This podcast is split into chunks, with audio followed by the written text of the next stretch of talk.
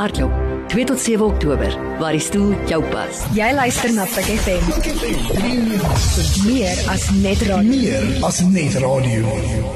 Nou, as ons nou met mekaar eerlik wees, ek dink omtrent almal wil graag act. Almal wil jy weet deel wees van dit en ek ek voel daar is 'n groot verantwoordelikheid om jong regisseurs ook op te lei.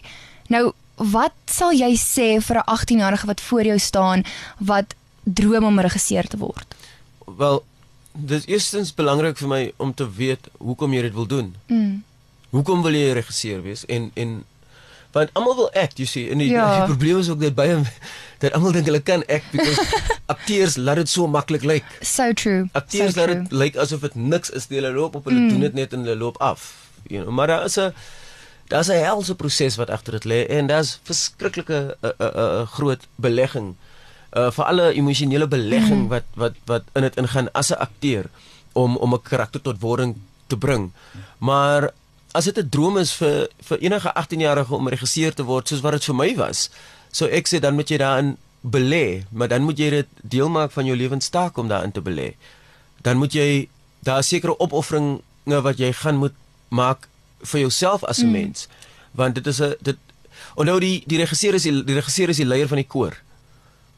En en as iemand ek sê altyd as die play baie goed was, dan klap hulle hande vir die akteurs en Ja. as dit as dit nie baie goed was nie, dan vra hulle wie dit geskryf of wie was die regisseur. Dis baie waar, dis baie waar. So so dit is daar's 'n klomp goed wat saam met dit gaan, maar die die grootste ding vir my as 'n skrywer en regisseur is dat ons het 'n verantwoordelikheid. Jy het 'n jy het 'n mm. jy het 'n groot verantwoordelikheid as 'n regisseur om 'n storie te vertel, maar nie net om dit te vertel nie, maar om dit om dit om reg te laat geskied aan 'n storie. Hoe die daai was soos meer die soos die emosionele kant ook en hoe om jouself voor te berei, maar wat soos sal jy sê is die fisiese stappe om daar uit te kom? Want ek dink baie mense, soos jy gesê het, dink is baie maklik om net daar uit te kom, maar ek dink daar's baie werk wat in dit ingaan en baie soos eh, rejection wat jy moet aanvaar. Ja. Ehm um, dit dit is een van die eerste goed wat jy gaan deurgaan. Ehm um, jy gaan dink jy het 'n wonderlike idee en dan sal vyf ander mense vir jou sê jy het nie.